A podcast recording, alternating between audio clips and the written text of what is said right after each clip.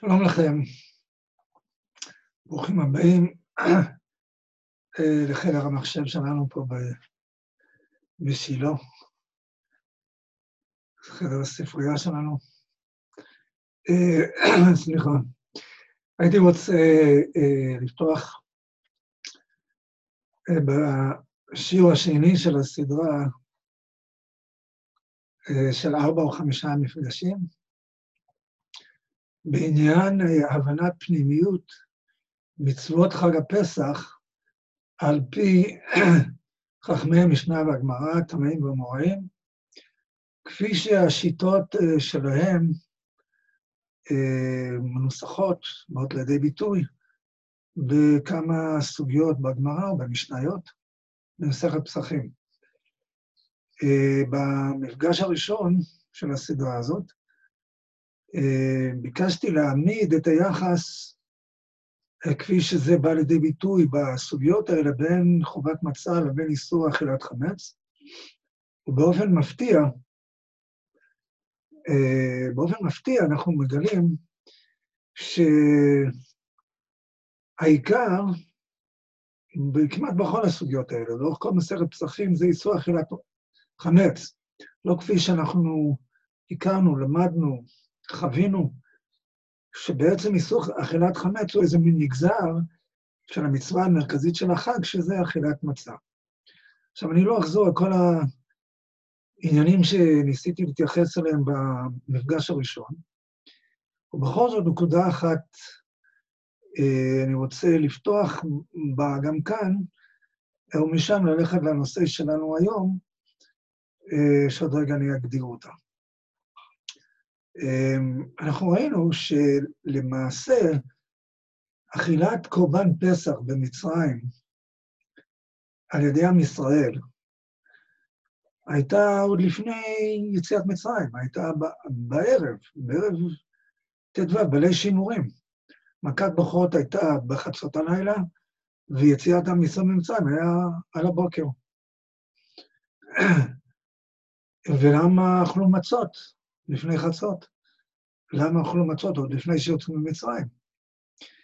אז uh, ביקשתי במפגש הקודם להדגיש מאוד את הנקודה שלמעשה uh, יסוד האיסור של חמץ בדינמיקה בין מצה וחמץ, uh, יסוד האיסור שורשו בבית המקדש אנחנו נקרא את זה פרשת השבוע, כנראה נקרא את זה בבית, על איסור אה, הבאת חמץ או שאור בכל מנחה, חוץ משני יוצאים מן הכלל, איסור מוחלט לשים כל שאור וכל דבש על המזבח, על שולחן השם. ולמעשה אנחנו חייבים לראות את עיקר יצירת החג שלנו, בזה שאנחנו שבעה ימים הופכים את הבית שלנו לבית המקדש, ואת השולחן שלנו לשולחן השם. ש... וזה היסוד של החומרה המיוחדת של איסורי חמץ, בל ירא, בל ימצא, למה בל ירא ובל ימצא? מה, מה כל כך חמור שבכלל אי אפשר אפילו פירור אחד, אנחנו עובדים כזה קשה, להוציא את כל החמץ מה, מהבית, למה, למה זה כל כך חשוב? אה, בגלל ש... אסור שיהיה חמץ בבית, כמו שאסור שיהיה חמץ בעצם בבית המקדש על שולחן השם. ואנחנו הופכים את הבית שלנו למקדש קטן, לשולחן, את השולחן לשולחן השם. בני ישראל, עם ישראל, אכלו קורבן פסח אה, בליל השימורים, לפני שיוצאים ממצרים עם מצות, לפני שמצה, זאת הייתה מנחה, זאת מנחה שאכלו מקורבן. שמו את המז... על המשקוף, במקום לשים אותו על המזבח, זה היה כאילו זריקת הדם של הקורבן, של לכפר על נפשות עם ישראל ולטהר אותם מטומאת הגויים ולהפוך אותם ליהודים, ויחד עם הקורבן אכלו מנחה. ומנחה זה מצה, כמו שאנחנו מוצאים בכל מקום. ושוב, אה, אני לא רוצה להאריך יותר מדי במהלך הזה, שוב, כפי שהעמדתי אותו באופנים שונים במפגש הראשון, אני מזמין מי שלא ראה את המפגש הראשון, אפשר לפתוח ולראות. אני רוצה אה, להתמקד כרגע בנקודה מאוד מעניינת. מי שבעיניי אה, היה מוביל העניין הזה, השיטה הזאת, של ליל הסדר הוא למעשה אה, חזרה או. או אה, חיקוי, שיקום, תיקון, איזה מעשה שבו אנחנו יושבים כמה שעות כביכול, כאילו אנחנו בבית המקדש, גם היום, לא רק בליל השימורים במצרים, אלא בהמשך כל הדורות, היה רבי עקיבא.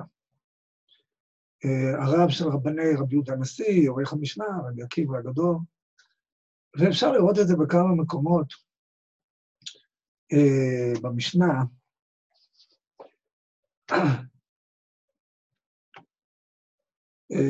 קודם כל, הברכה בסוף מגיד, בהרבה פסחים במשנה יש מחלוקת בין רבי טרפון לבין רבי עקיבא. הברכה שרבי טרפון אה, ניסח, הוא ברכה שאך ורק אה, חוזר אה, על זיכרון הגאולה ממצרים. אה, לא יודע אם אני יכול למצוא את זה מהר גם. אה, תסתכלו בהרבה פסחים, במשנה האחרונה, אה, שיטת רבי טרפון.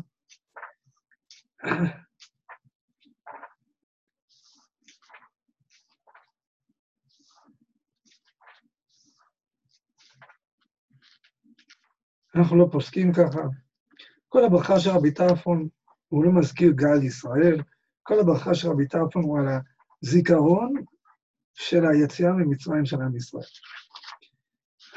הברכה של רבי עקיבא, שמוזכרת שם במשנה, היא הברכה שאנחנו אומרים היום בהגדה, הולך ככה, אשר גאלנו וגאל את אבותינו, מה זה גאלנו? גאל אותנו.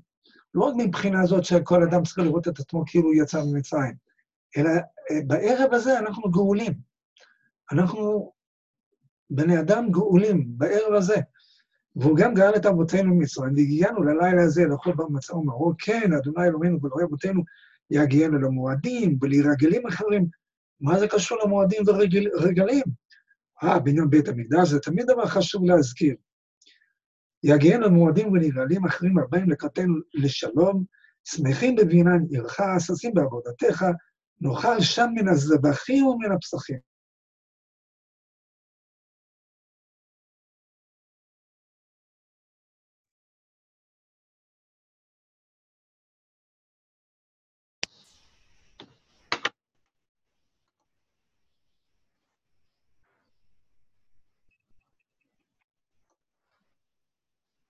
חזרנו.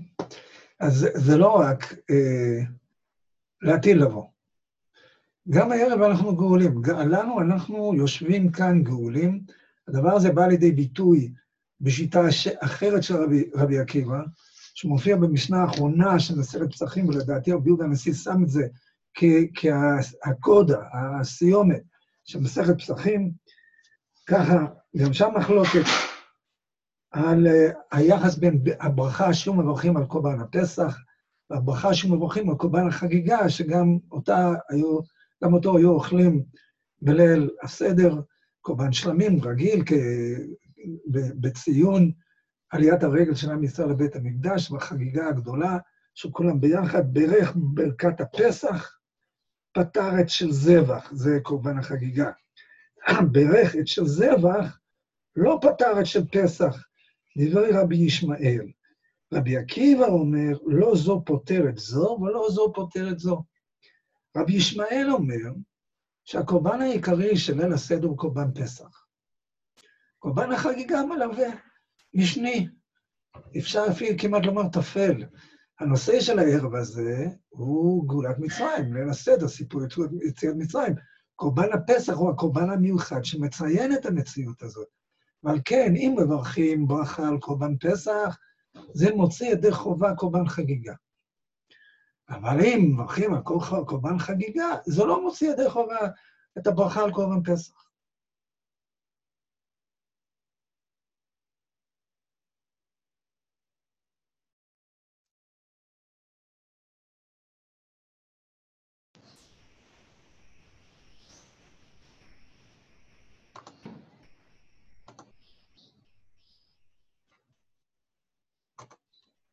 טוב, אני לא יודע מה קורה, אני אנסה להמשיך, אני מקווה שזה לא, לא יהיו פה הפסקות נוספות, יש פה איזו בעיה ב, בסידור של המיקרופון, הוא כל הזמן מפסיק ועובר ממיקרופון למיקרופון. אולי אני לא אצעק. בקיצור, רבי, רבי עקיבא, לעומת רבי ישמעאל, אומר, הברכה על הפסח לא פותרת את הברכה על החגיגה, הברכה על החגיגה לא פותרת את הברכה על הפסח. למה? בגלל שלפי רבי עקיבא, סליחה, לפי רבי עקיבא, העיקר של הערב הזה, של ליל הסדר, הוא לא רק הקורבן פסח, הוא לא רק הזכר של מה שהיה בעבר.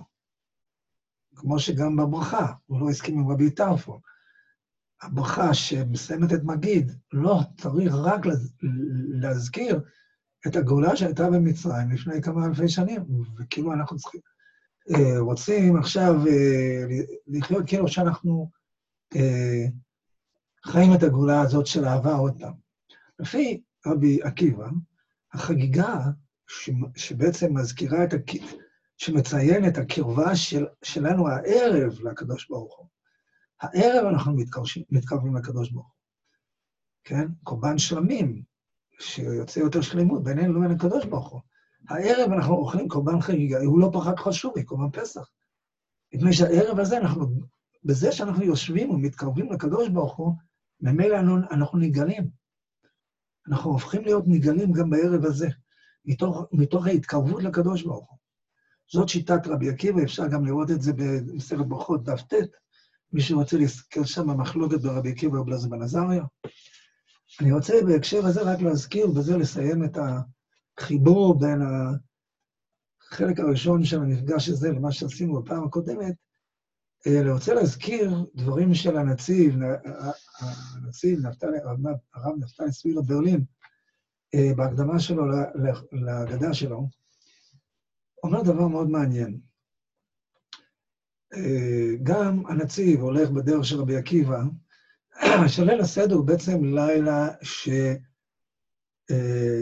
אה, היום, גם בלי קורבן פסח, או בלי קורבן חגיגה, אנחנו בעצם מחיים, מחדשים את המציאות של להיות בקרבה של השכינה בבית המקדש,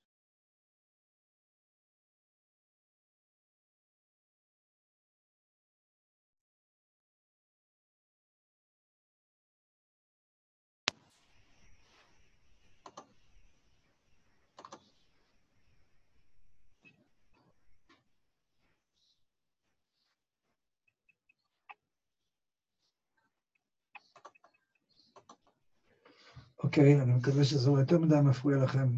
אנחנו ממשיכים. אה, כנראה זה יהיה הפסקות פה כל כמה דקות, ואני מקווה שתמשיכו יחד איתי.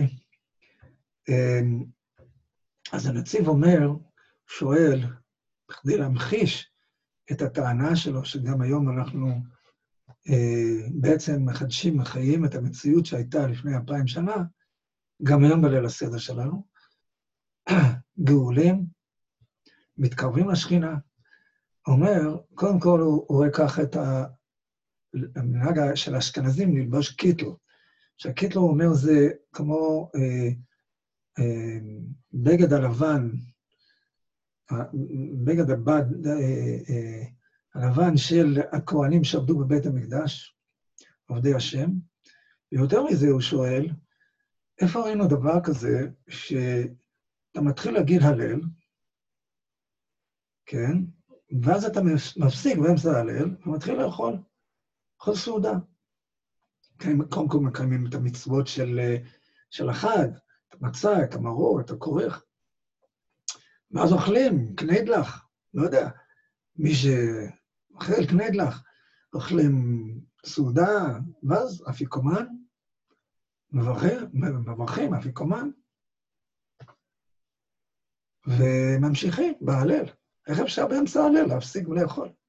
אז אומר הנציב דבר מאוד מעניין, הוא אומר, זה אפשר לעשות רק בבית המקדש, רק עם קורבן, רק כאשר האוכל הוא חלק מהתקרבות לקדוש ברוך הוא, כמו שהוא היה באכילת קורבנות בבית המקדש. בירושלים, שלמים, קורבן שלמים, קורבן פסח בירושלים. רק כאשר האכילה עצמה הופכת את הצד הגופני של האדם לשמחה שמקרבת את האדם לעונג, מקרבת את האדם לקדוש ברוך הוא, כמו שבבית המקדש, באכילת קורבנות, רק ככה אפשר להפסיק באמצע הליל ולאכול. אז uh,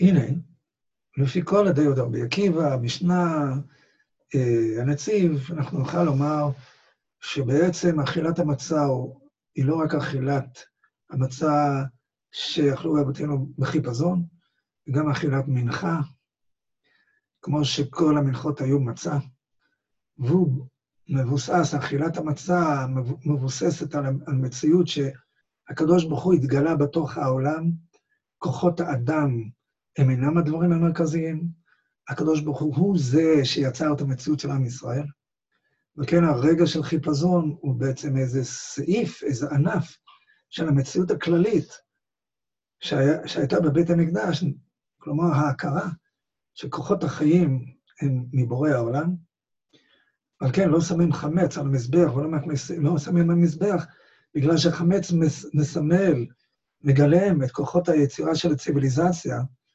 בוודאי באותה תקופה של תקופת התנ"ך והמשנה, שהפיכת החיטה ללחם היה ביטוי של יסוד היצירה של האדם ויצירת תרבות וציוויליזציה, על זה דיברנו בפעם הקודמת.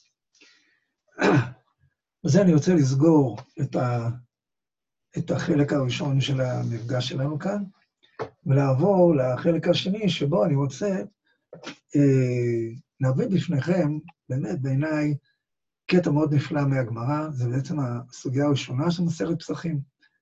אני אנסה, כמו שעשיתי גם במפגש הקודם, לסכם או לתמצת את הדברים, בכדי שגם מי שאין לו גמרא לפ... לפניו או לפניה, מי שאולי אה, מתעסק בהכנות לפסח, בניקיון ומקשיב לשיעור בצורה כזאת, יוכל להבין את הדברים, וגם מי שרוצה לעקוב אה, בפתיחת הגמרא בדף ב', עמוד א' ועמוד ב', אה, יוכל גם לעשות את זה. אז אנחנו כולנו יודעים, אולי נתחיל ככה, כולנו יודעים שיש איזשהו, חוץ מהחומרה המיוחדת, שבחמץ יש איסור בל ירא ובל ימצא, חוץ מעונש כרת, ובמשהו, איסור במשהו, כל, כל מיני חומרות מיוחדות בחמץ, שכנראה, כפי שאמרתי, קשורות ליסוד של המזבח בבית המקדש, והפיכת הבית שלנו למקדש, כהתחלת הקיום של עם ישראל, כדי לבטא את הקיום של עם ישראל כיצירה של הקדוש ברוך הוא. ויחד עם זה, כולנו יודעים שיש איזו מצווה מיוחדת נוספת, שלא קיימת אה, באף מקום אחר, וזה כמובן הבדיקה והביאור. הביאור שלפי מה שאנחנו פוסקים היום שורפים, ועל זה אנחנו נדבר בעזרת השם במפגש הבא, למה שורפים. אה, אבל עצם העניין הזה של בדיקת חמץ באור י"ד והסיפה למחר, הוא צריך לעורר פליאה, תמיהה. מה, מה זה הדבר הזה? למה צריך לעשות את זה? אה, כן, תוספות הראשון של מסכת פסחים, בגלל החומות המיוחדות, יסוד במשהו וכולי, בל יראה בל ימצא. בואו נראה איך גדולי חכמי הגמרא והמשנה, אה, איך הם אה, הסבירו לנו, סליחה, איך הם הסבירו לנו בעצם את הדבר המיוחד הזה, שבדיקת חמץ, איך העמידו בפנינו את העניין. אנחנו כולנו, כמעט כולנו מכירים את המשנה האחרונה, המשנה הראשונה של מסרת פסחים, שמתחילה במילים,